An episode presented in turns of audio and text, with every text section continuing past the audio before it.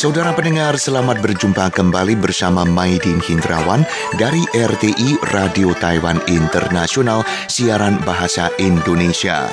Sekarang Maidin mengajak Anda mengikuti acara Galeri Budaya.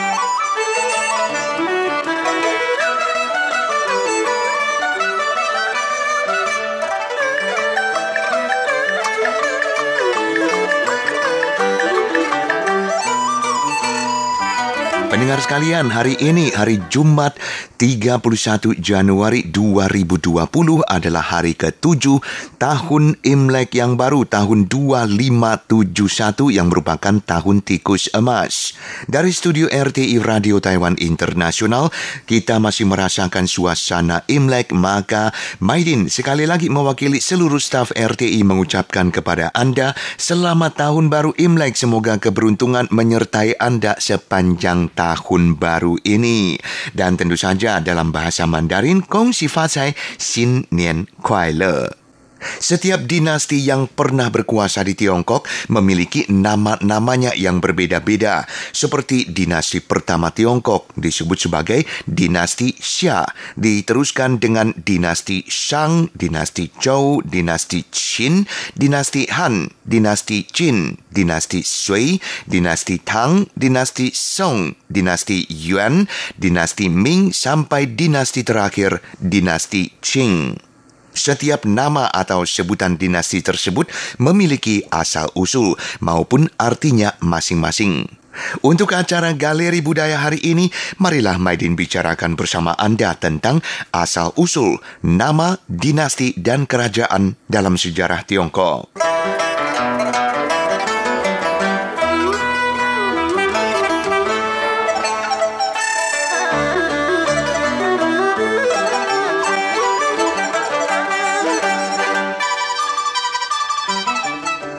Sebagaimana diungkapkan tadi, dinasti pertama dalam sejarah Tiongkok adalah dinasti Xia. Nah, bagaimana dinasti Xia memperoleh namanya?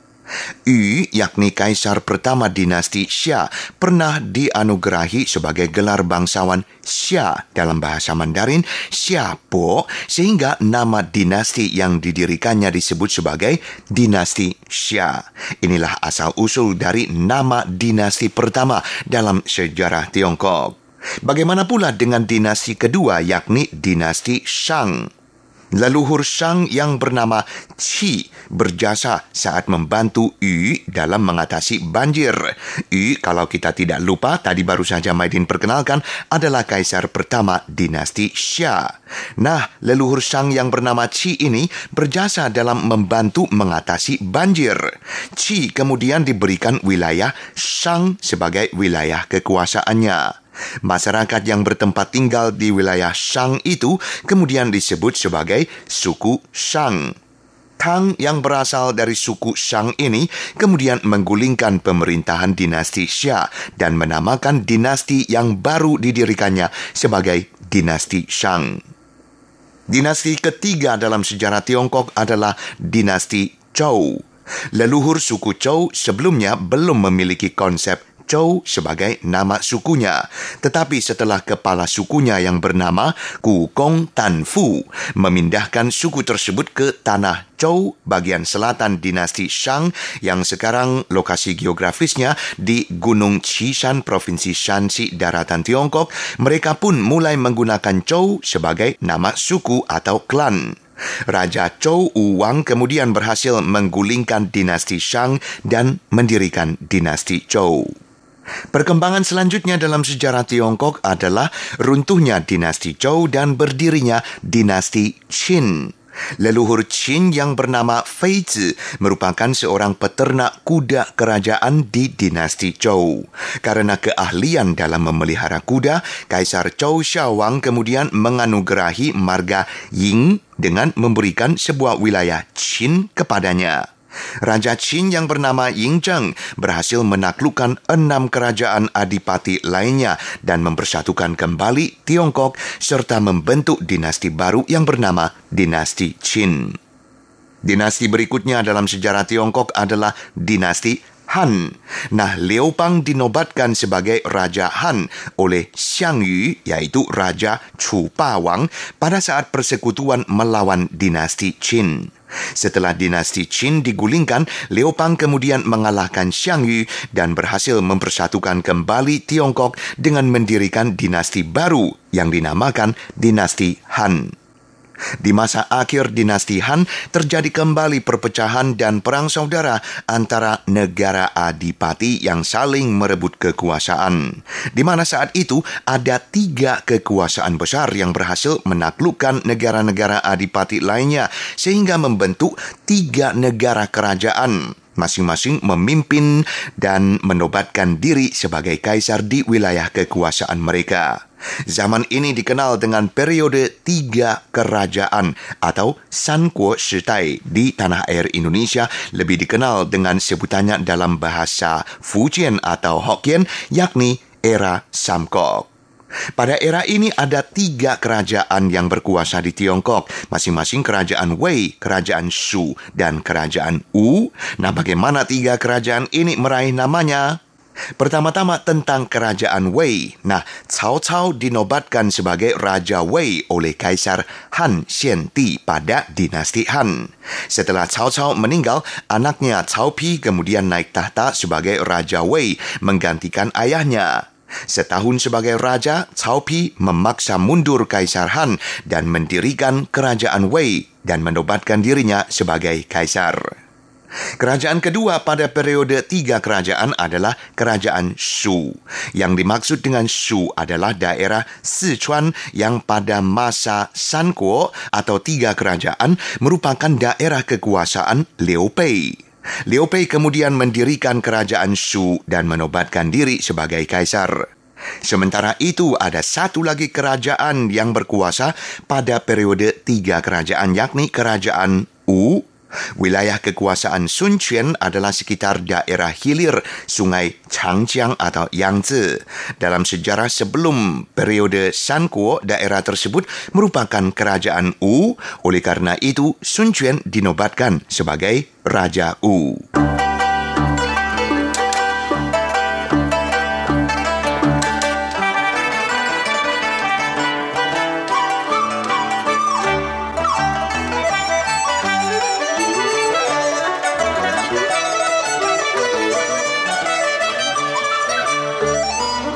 Teman pendengar, Anda sedang mengikuti acara Galeri Budaya ditemani Maidin Hindrawan dari Radio Taiwan Internasional. Di acara hari ini, Maidin perkenalkan tentang asal-usul dari nama-nama dinasti yang berlainan dalam sejarah Tiongkok. Nah, setelah periode kekacauan yang disebut sebagai Sankuo Shitai atau periode tiga kerajaan, berdirilah dinasti Qin. Sima Zhao memaksa Kaisar Wei memberikan gelar bangsawan Qin Gong kepadanya. Setelah berhasil menaklukkan kerajaan Shu, Sima Zhao dipromosikan menjadi Raja Qin.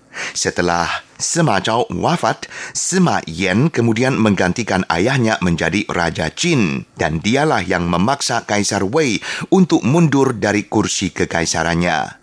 Semayan kemudian menobatkan dirinya sebagai kaisar dan memberikan nama dinasti barunya menjadi dinasti Qin. Setelah itu berdirilah dinasti Sui dalam sejarah Tiongkok. Ayah Kaisar Sui Wenti yang bernama Yang Chong pernah dianugerahi gelar bangsawan Sui Kuo Kong oleh Raja Chou Utara. Setelah berhasil menggulingkan kerajaan Zhou Utara, Kaisar Sui Wenti kemudian menggunakan gelar tersebut sebagai dinasti barunya yaitu dinasti Sui. Patut diperhatikan tulisan Sui di Sui Kuokong dan tulisan Sui di dinasti Sui.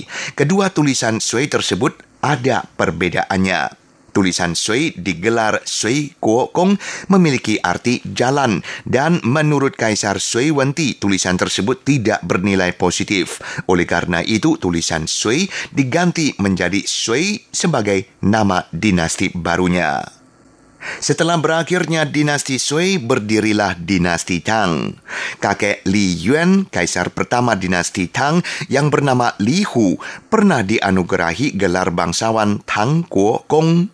Li Yuan kemudian memberontak melawan dinasti Sui yang kejam. Dia dalam pemberontakan tersebut mengakui diri sebagai Raja Tang. Setelah mengalahkan dinasti Sui, Li Yuan mendirikan dinasti baru dengan nama Dinasti Tang.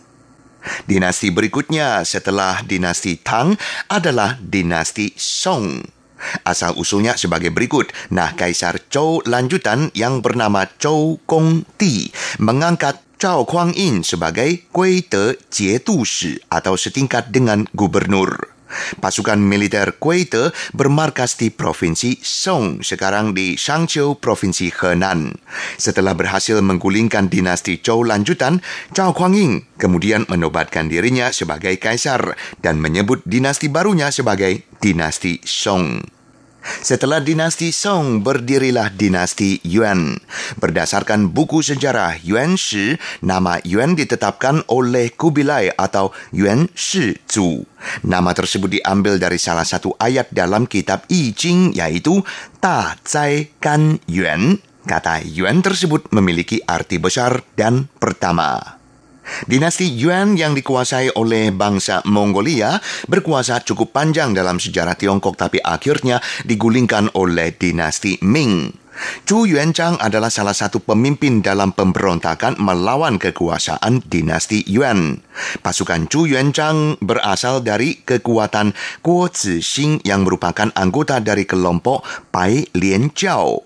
Bai Lian Jiao menggunakan slogan Hei An Jijiang Guo Qu 光明将要到来, artinya kegelapan akan berlalu, sinar terang akan segera tiba. Oleh karena itu, Pai Lian Jiao juga disebut sebagai Guang Ming Jiao, agama penerang. Chu Yuanzhang juga merupakan penganut agama Pai Lian Jiao. Dengan demikian, setelah berhasil menggulingkan dinasti Yuan, Chu Yuanzhang mendirikan dinasti baru, menyebutnya sebagai dinasti Ming. Dinasti terakhir dalam sejarah Tiongkok adalah dinasti Qing.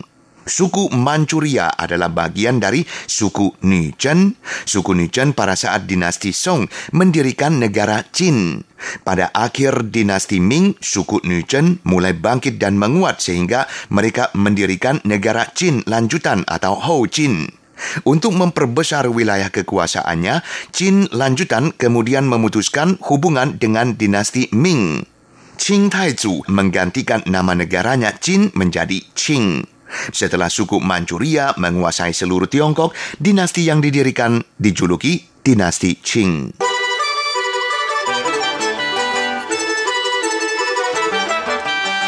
Saudara pendengar, demikianlah perkenalan tentang asal-usul dari nama-nama dinasti berlainan dalam sejarah Tiongkok. Dan berakhir pula lah acara Galeri Budaya hari ini.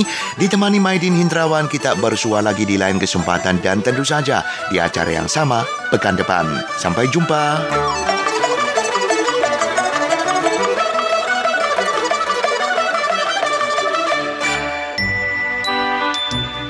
Para pendengar sekalian, demikianlah siaran dari Radio Tama Internasional program Bahasa Indonesia.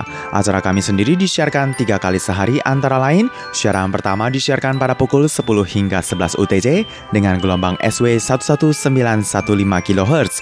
Untuk siaran kedua disiarkan pada pukul 12 hingga 13 UTC dengan gelombang SW 11915 kHz. Dan siaran ketiga disiarkan pada pukul 14 hingga 15 UTC dengan gelombang SW 9735 kHz. Untuk acara hasil kerjasama dengan Kementerian Ketenagakerjaan Taiwan disiarkan setiap hari Kamis pukul 20 hingga 21 waktu Taiwan dengan gelombang MW 1422 dan siaran ulangnya disiarkan pada hari Jumat pukul 8 hingga 9 waktu Taiwan dengan gelombang MW 1422. Guna memudahkan pemantauan siaran dari RTI, silahkan mengunduh aplikasi Radio Taiwan Internasional di dalam gawai dan juga gadget Anda. Jangan lupa untuk menambahkan fanpage Facebook RTSI. Untuk kritik dan saran, silahkan kirimkan email Anda ke rtsi at rt.org.tw. Dan untuk surat tertulis, silahkan layangkan ke PO Box 123 strip 199 Taipei City, kode pos 11199 Taiwan. Para pendengar sekalian, jangan lupa untuk selalu mendukung dan mendengarkan siaran dari Radio Taman Internasional program Bahasa Indonesia. Terima kasih.